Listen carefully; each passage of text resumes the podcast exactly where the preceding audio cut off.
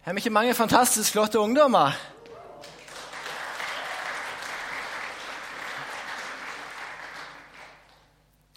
Det er en stor glede å være, å være pastor til en så flott gjeng. Det er selvfølgelig utfordrende òg, men det i det lange løp er det mest en, en stor glede. Det er rett og slett dritbra, for å si det sånn. Så det er jeg veldig fornøyd med. Du, dere Jeg er ganske sikker på eh, Det er sjelden jeg er så sikker som jeg er i dag, egentlig, på at jeg har et budskap fra Gud til dere. Jeg kjenner at jeg har ligget her i en måned. Øyvind Skjegstad var oppe her for en måned og halvannen siden. Og så delte han et bibelvers som står i Åpenbaringen kapittel 2, vers 6. At én ting har jeg imot dere, at dere har forlatt den første kjærligheten. Delte Øyvind. Og når Øyvind delte det den gangen, så bare kjente jeg med en gang når, når du skal tale på loftegudstjenesten, så er det akkurat det du skal tale om. Så jeg synes det er fantastisk. Jeg har ikke snakket sammen med, med Marte om mitt tema. Og så tar hun egentlig og deler akkurat det som jeg skal dele. Og Det viser jo hvor stor Gud er. Det viser at det ligger på hans hjerte. Og så er det viktig for meg å få fram det at det, alt jeg deler nå i dag i formiddag her, det er med stor ydmykhet. Veldig stor ydmykhet. Og Mye av det gjelder meg sjøl òg. Men jeg er sikker på at det jeg skal dele, det ligger virkelig på Guds hjerte. Og det kommer til å utfordre meg, det kommer til å utfordre dere. Kanskje det temaet kommer til å irritere både meg og dere litt òg. Vi vil kjenne det litt i kjøttet, som det heter. At det kanskje ikke gjør så godt. Men jeg er sikker på at det ligger på Guds hjerte. På 80-tallet var det veldig inn å snakke om himmel og helvete, engler og demoner, turn og burn. ikke sant? Det var veldig radikalt, veldig direkte. Litt for direkte. Og så vi sitter at nå med årene, nå er vi i 2015, så har jeg sett hvordan den pendelen bare er snudd. At nå er vi helt over på, over på motsatt side. Nå er vi herover. At nå er alt bare nåde. Nå er alt bare fint. Nå er alt bare fantastisk. Det er snart ingenting som er synd lenger. Det er snart ingenting som er gale lenger. Fordi at vi skal være så åpne og sånn. Og Når jeg leser om Jesus i evangeliene Senest på fredag så leste jeg gjennom hele Markusevangeliet. For jeg ville se hvordan funker det egentlig med Jesus. Hvordan er egentlig Jesus? Og ja, han er full av nåde. Han er full av kjærlighet. Uten tvil. Men hvis vi går glipp av hvor tydelig Jesus var når vi leser evangeliene, da har vi faktisk ikke lest evangeliene. I mange historier så leser vi at Jesus kommer. Så kommer det folk til ham, og så sier han det. Gå bort, men synd ikke mer, sier Jesus. Og i måten som han tar fariseerne og de skriftlærde, herodianerne og sadukeerne som leser om i Bibelen Han er jo beintøffe mot dem, han er steinharde mot dem. At det er hjertet det handler om. Det er ditt forhold til Jesus eller ditt forhold til Gud. Det er det det handler om. Det er ikke det ytre, men det er faktisk det indre som gjelder. Så det er viktig at vi skal holde sammen de to. Eh, Kall det paradoks eller kall det hva du vil. Ja, Jesus er 100% nåde, vi kan alltid komme til Han. Men så er det forskjell på å falle i synd og forskjell på å faktisk leve i synd. Så talen i dag er du her inne og du tror ikke på Jesus, så er ikke denne talen så mye til deg. Da kan du egentlig slappe av og kose deg. og det kan du gjøre uansett altså. Men er du her inne og tror på Jesus, så håper jeg at du skal ta det litt til deg. For når vi tar imot Jesus, da skjer det noe på innsida. Da får vi et nytt liv. Da får vi en ny person. Vi får Den hellige ånd som flytter inn på innsida vår. Og Da starter noe som heter i Bibelen, det kalles for helliggjørelse. Og Det betyr at jo mer vi vandrer med Jesus, jo mer likere Jesus er målet iallfall at vi skal bli. At Når jeg ser tilbake på mitt liv, jeg ser ti år tilbake på livet mitt da jeg var 16, nå er jeg 26, så ser jeg det at ja, Jonny, du har forandra deg. Ja, Jonny, du tok noen steg og blitt likere Jesus. Selvfølgelig har jeg mye å gå på, men jeg ser at jeg har forandra meg. Og Hvis du ser ti år tilbake på livet ditt og ser at, det ikke var noen ut, eller at du ikke har utvikla deg og blitt mer lik Jesus, da må det kanskje begynne å lyse ei varsellampe hos deg. For Vi snakker mye om det, at vi kan få lov til å se under og tegn mirakler. Vi kan få lov til å se at folk skal møte Jesus, og at livet skal bli forandra. Og jeg tror på alt det. Men så glemmer vi å snakke om det. At alle Guds store menn og kvinner som har opplevd mye av det nære livet med Jesus, de har virkelig betalt en pris. De har virkelig levd nær til Jesus. De har bedt, de har lest i Bibelen, de har gått på møter, og de har hele veien strukket seg etter Jesus for å bli mest mulig lik han. For dette koster faktisk alt å følge Jesus. Se på de to heltene for i Misjonsforbundet som nå har reist hjem til Jesus. Ingulf Disen og Eden Løvaas, to av mine store forbilder, og jeg ærer dem virkelig. Og Når du ser på dem og hører om dem, så er det en lengsel etter Jesus. Det er en Jesusbegeistring.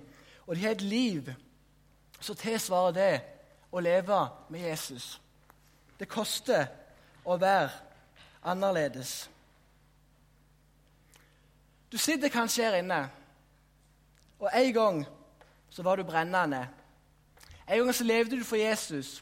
En gang så var Jesus det aller, aller viktigste for deg. Men så ser du det, at med årene, at med tida, så er hjertet ditt blitt kaldt. Så du mista den første forelskelsen som du hadde. Det er akkurat sånn når du gifter deg. Når du står og du går opp midtgangen, eller når kona di kommer gående opp der, og du ser og den følelsen du kjenner på da Ingenting som kan beskrive det, den lykken du kjenner på. Og når du er nygift og det første året i ekteskapet, så er det jo bare fantastisk. Så kan du merke det at hvis du ikke jobber med ekteskapet, da vil det til slutt ikke fungere. Det vil ikke det, for det er arbeid. Det krever noe. Kjærlighet er ikke bare en følelse. Det er det at du arbeider med det og jobber med det. Og Sånn er det faktisk med frelsen òg. Arbeid på deres frelse står det en gammel oversettelse med frykt og beven. Jeg husker ikke hvor det står, men det står en gammel oversettelse. Og jeg tror det ligger noe der. Det er jeg helt overbevist om. I dag så er det fort litt sånn vi lengter til mer lønn. At vi, Hvis vi bare kan stige opp litt mer og få litt mer penger, da skal vi være lykkelige. Kanskje det er den perfekte sommerkroppen 2015. ikke sant? Det er det vi snakker om. Allerede på Instagram kan du ta hashtag og så 'sommerkroppen 2015' og legge ut et bilde av deg sjøl. Om du er deilig eller ikke, det bestemmer du, men du kan legge det ut der. Kanskje det er det perfekte hus. Kanskje det er at bare kan få hytte på fjellet, så vil alt være fint. Kanskje det er en god utdannelse. Kanskje det er en god utdannelse for dine barn. Og ingenting av det er gale. Ingenting av det er gale. Alt er fint. Men hva er egentlig det viktigste? Hva er det viktigste? Jo, det er Jesus. Og så er spørsmålet mitt òg Kanskje du er inne og du rett og slett lever som en praktisk ateist. Og det, og det betyr jo det at du tror på Gud, men du lever som om at Gud ikke, ikke er en del av livet ditt. Kanskje det passer til deg her inne. Et bilde på det. Dere har sikkert hørt det før, men det illustrerer noe veldig bra. Hvis du tar en frosk oppi ei gryte i ganske lunka vann, så begynner frosken å svømme rundt i denne gryta, og han koser seg, og det er god stemning. Og Så begynner du gradvis å skru opp temperaturen. Én grad etter én grad etter én grad. Og for hver gang du skrur opp temperaturen, så syns jo bare frosken det er deilig. For det blir jo bare varmere og varmere og varmere. Du sikkert kjenner det i dusjen òg når du skrur opp litt på varmen. Så er det veldig godt. Og så er det sånn med frosken at til slutt så begynner vannet å koke. Det er så varmt. Og da oppdager frosken at oi, kanskje jeg må komme meg ut. Men da er det for seint. Og da ender han jo da opp med å bli kokt levende. Og bildet er jo det at sånn kan det fort være med oss. At vi begynner kanskje å ta et steg vekk ifra Jesus. Bare et lite, forsiktig steg. Så tar vi et til, så tar vi et til, og plutselig så er vi så langt ifra Jesus så det nesten ikke går an å være. Så merker vi ikke at vi lever langt ifra han. Kanskje det kan være sånn for eksempel, at du sitter på VG og du klikker inn. Plutselig kommer det opp en annonse der du ser noen lettkledde dame, f.eks. Klikker du inn på den tenker, eller kjødet ditt, tanken din tenker at hm, her må vi inn og sjekke. Så går du inn der og så sjekker du litt. Og så vet du med deg sjøl at du burde egentlig ikke ha gjort det engang. Så kommer du inn på det, og så kjenner du at det begynner å dunke litt i hjertet ditt. Kanskje du klikker deg inn på enda verre ting. Klikker deg inn på enda verre ting. Og til slutt så ser du på noe som du absolutt ikke burde sett på. Og så starta det egentlig med at du tok ett steg nærmere det som er feil. Et nytt steg. Og til slutt så trør du langt over den grensa som du egentlig hadde satt, for deg sjøl. Kanskje det kan være det at du begynner å Ta deg et glass vin, f.eks. Sitter du hjemme og så drikker du et glass vin, og så etter hvert finner du ut at det, det holder ikke med det glasset. Kanskje vi må ta to. Kanskje vi må ta tre. Kanskje vi må ta fire glass, sånn at jeg kan kjenne litt på den berusende følelsen som jeg får inni meg for det. Og så merker du bare det, eller du merker det egentlig ikke, men så blir du automatisk dratt vekk fra den standarden som du egentlig hadde på livet ditt. Gud sier det, eller det står i Johannes' åpenbaring, at én ting har jeg imot deg, at du har forlatt min, første, min, din første kjærlighet. I Johannes' åpenbaring 3, vers 15 og 16, så står det, veldig kjente vers Jeg vet om dine gjerninger, at du verken er kald eller varm.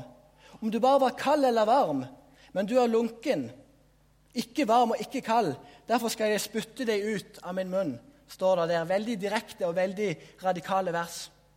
I den nye oversettelsen står det 'spytte'. Når jeg leser den engelske oversettelsen, så liker liker den beste, for der står det faktisk 'spy'. Og Det er stor forskjell på spy og spotte. Du bestemmer sjøl når du spotter, men når du spyr, da er det vanskelig å holde tilbake. Du bør iallfall ikke gjøre det. Det er litt ekkelt. Men noen gjør kanskje det òg. Men det er, en er forskjell på det. Og Da står det faktisk at eh, siden du er lunken, så vil jeg spy deg ut av min munn. Det er bedre at du enten går 100% for Jesus, eller at du ikke går 100% for Jesus. Vi er så opptatt av å holde et bein her og et bein der. Vi skal få med det beste av Jesus, og vi skal få med det beste som dette livet kan gi oss. Og til slutt ender vi opp og bare skrive lengre og lengre og lengre. Så går vi glipp av alt det fantastiske som Jesus er. Og samtidig så kan vi ende opp med å gå glipp av alt det fantastiske som verden har. For det verden òg har mye bra ting. Det er ikke noe tvil om det. Det er gøy, gøy i starten, men så blir det kanskje ikke så, så gøy etter hvert.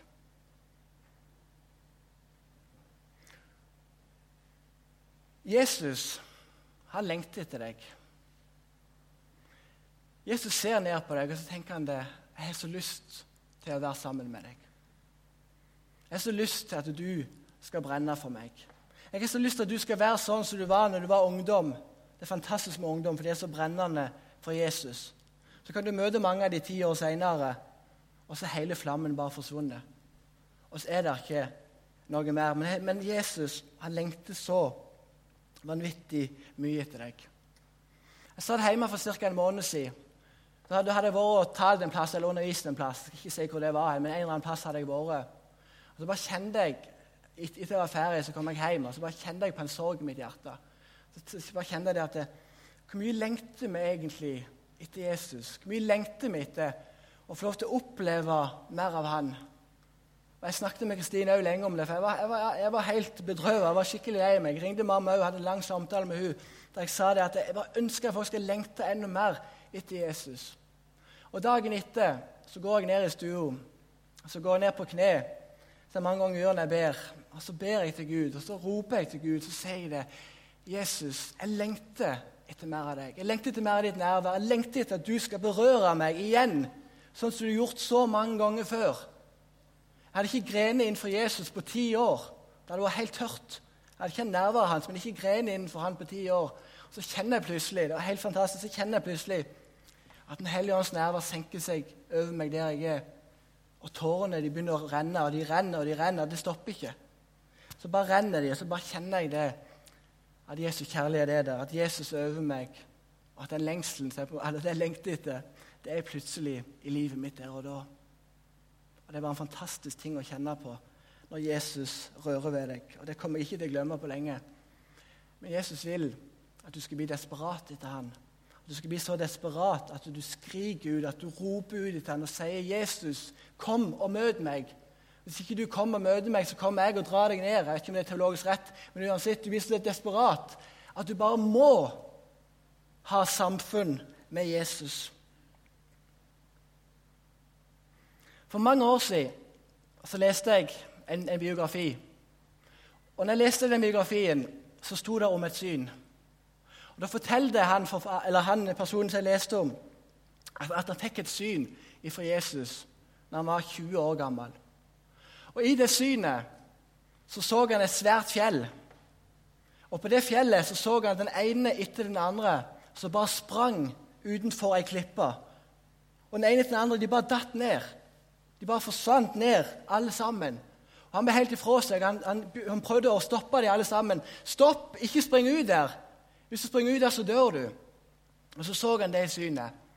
Og så sier Gud til han i det synet at hvis ikke du tar kallet mitt på alvor, hvis ikke du tar planen som jeg har med ditt liv, på alvor, så, så kommer jeg til å stille deg ansvarlig for alle de menneskene der som ikke tar imot Jesus. Og mens jeg satt der, så kjente jeg Det er ikke så ofte jeg kjenner det, men så kjente jeg bare en stemme på innsida, Den hellige ånd begynte å si til meg, Jonny, dette synet er til deg òg. At hvis ikke du tar opp staven din, hvis ikke du forteller om meg, hvis ikke du vitner om meg, hvis ikke du blir den som jeg har sagt at du skal bli, så kommer jeg til å holde deg ansvarlig for at alle de folkene der ikke kommer til himmelen. Og du Klart jeg ble overveldet, klart jeg ble sånn wow, jeg ble, ble helt sjokkert. Men siden da så har jeg alltid tenkt det. Jeg har ikke noe valg. Jeg har ikke noe valg. Jeg må følge det kallet som Gud har lagt på mitt liv. Når du kommer til himmelen og møter Jesus, så tror jeg, så tror jeg at det er to spørsmål han vil stille deg. Han vil ikke stille deg hvor fin bil du hadde, eller hvor god jobb du hadde, eller hvor god utdannelse du hadde, eller hvor mange barn du hadde. Det tror jeg ikke. Men punkt nummer én er hva gjorde du med Jesus? Sa du ja til Jesus, eller sa du nei til Jesus? Hvis du sa nei, så tror jeg ikke du får spørsmål nummer to. Men si at du sier ja, så jeg håper, så kommer jeg til å spørre deg, tror jeg, nummer to. Hva gjorde du med det som jeg ga deg? Hva gjorde du med de gavene som jeg ga deg? Som vi leser om i Bibelen. Er du sånn som den ene som fikk én talent? At du gravde ned den ene, ene talenten fordi du var redd for å ikke bruke det Gud hadde gitt deg? Eller er du sånn som så mange andre som virkelig tok ting på alvor?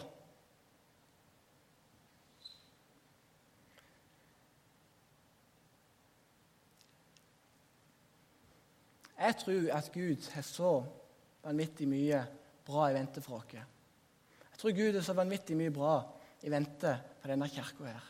Jeg tror Gud vil bruke meg, jeg tror Gud vil bruke alle dere som er her inne. Men så er det disse spørsmålet Hvor mye lengter du egentlig etter Han? Hvor mye vil du egentlig at Han skal bruke deg, at Han skal lede deg, at Han skal forandre deg? For det er så fort gjort at uka går. Vi leser ikke i Bibelen. Nå, nå, nå skal ikke be dere om å rekke opp hånda, de som har lest Bibelen, ikke, men veldig mange av dere kommer ikke til å rekke opp hånda. Kanskje du er til med 60 år gammel og aldri lest Bibelen. Kanskje du var kristen hele livet. Det er Bibelen og bønn som virkelig forandrer innsida vår. Selvfølgelig menigheten òg. Vi sier at vi ikke har tid til å lese Bibelen, vi sier at vi ikke har tid til å be. Allikevel sitter vi kveld etter kveld etter kveld og ser på TV. Ser på ting som vi aldri burde, burde ha sett på. Ser på umoral som er langt over det vi burde sett på. Og vi blir vant med det, og vi tenker at det er greit. Vi sier f.eks. òg at demoner ikke fins, og så får djevelen herje akkurat som han vil her på jorda i dag. Vi gjør det. Mange til og med avskaffer helvete, at helvete fins ikke. Men det gjør det. Og Da er det så viktig for oss at vi må forstå at det er en kamp om liv og død. Det er en kamp om å lede folk til himmelen. Det er en kamp om å fortelle mennesker rundt dere om at Jesus elsker dem, om at Jesus døde på korset for dem, om at Jesus har en lys framtid, om at Jesus vil møte dem, om at Jesus vil forandre dem. Eneste forskjellen på meg og en som ikke tror på Jesus, det er Jesus. Det er eneste forskjellen på det. Tenk på det. Og Hadde vi virkelig bare forstått, hadde vi virkelig bare kjent det på innsida, den brannen, kjent hjertet som dunker For de som ikke tror på Jesus, og bare kjenn den brannen som bare, bare kommer over oss når vi ønsker det. Jeg bare, jeg bare, kjenner det at jeg kjenner på den sorgen som Marte òg snakket om. At jeg, jeg tror ikke vi forstår det. Jeg tror ikke vi forstår hvor mye Jesus virkelig elsker hvert enkelt menneske. Og jeg tenker det i mitt liv. Har Jesus gitt livet sitt for meg, da er det minste jeg kan gjøre, det er å gi livet mitt for han. Det er å vise andre hvem Jesus er. Jeg snakker ikke om å dømme dem og si sånn og sånn, men jeg snakker om å si det at jeg tror på en som kan forandre livet ditt. Jeg tror på en som kan møte deg. Jeg tror på en som kan sette deg i frihet. Og På fredag på loftet så taler jeg om under og tegner mirakler. Og Det som vi leser, går igjen i de første menighetene. Det var det at det var ikke forkynnelsen på en måte som skapte den største forandringa, men det var det at når de ba for folk, så skjedde det ting. 20 ganger i Apostelens gjerninger så leste vi at det var menighetsvekst fordi at folk ble helbredet, fordi folk ble satt i frihet, fordi at det skjedde noe. Og jeg tror at det er en dimensjon som vi dessverre har mista litt. Og Jeg tror det ligger på Guds hjerte. Der står det at, gjøre, eller der står det at Jesus gikk rundt på jorda, og han gjorde vel. Og han hjalp alle som var underkua, står det i en gammel oversettelse. Underkua av djevelen, står det. Og det er det Jesus kaller oss til. Gå derfor ut og forkynne evangeliet for alle folkeslag. Det kaller han oss til. Når du kommer til himmelen, så kan ikke du si jeg var ikke en evangelist, jeg var ikke noen pastor. Det hjelper deg svært lite. For vi er alle sammen kalt til å fortelle om Jesus, til å peke på Han som er verd all ære på jorda. Han som er navnet over alle andre navn. Han som ingenting kan måle seg imot. Han som vi tror på. Han som vi lever på. Han som vi bare kan få lov til å kjenne det at når livet er tungt, for det er det mange ganger, når livet er vanskelig, så kan vi kjenne det. At vi kan få lov til å legge oss på Jesus sitt fang.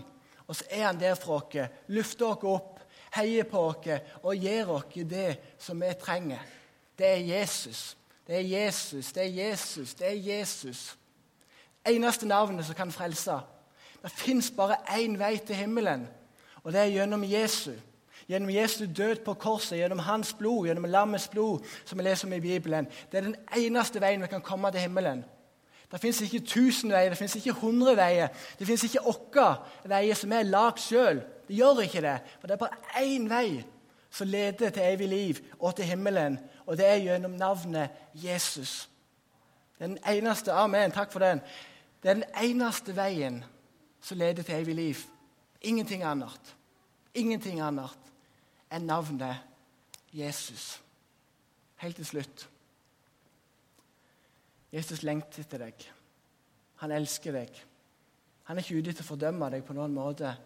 Han vil bare ha hjertet ditt. Han vil bare ha hjertet ditt. Han vil bare fortelle deg hvor store planer og hvor store drømmer han har for livet ditt.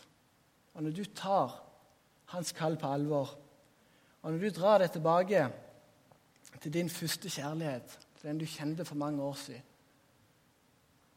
så vil du merke det at det begynner å skje noe i livet ditt. Så vil du merke det at du begynner å bli forandra. Så vil du merke den nøden som Marte snakket om, at du kjenner en byrde for de som ikke tror på Jesus. Du kjenner det bare når du treffer dem, at de skulle, så ønske at de hadde fått møtt Jesus Kristus ifra Nasaret. Kjære Jesus, jeg takker deg for det at du er min konge. Jeg Takker deg for det at du er konge. Jeg takker deg bare for det at du er navnet over alle andre navn. Jeg Takker deg for det at i ditt navn, Jesus, er det kraft. I ditt navn er det forandring. I ditt navn så kan absolutt alt skje fordi at du er kongenes konge, og du er herrenes herre. Be deg om det, at du bare skal kalle på alle menneskene som er her inne nå i formiddag, Jesus. At de bare skal kjenne at de blir dratt imot deg. At de blir dratt imot korset. At de blir dratt imot den første kjærligheten som de en gang hadde for deg, Jesus. La de ikke følge på fordømmelse, far, men la de kjenne på det at de begynner å lengte etter deg igjen. Jeg ber deg om det, far. Så legger jeg resten av møtet i dine gode hender, Jesus. Amen. Hvis bandet kan komme opp, og så begynner dere bare å spille litt. Så er det sånn i menigheten her at hvis du kjenner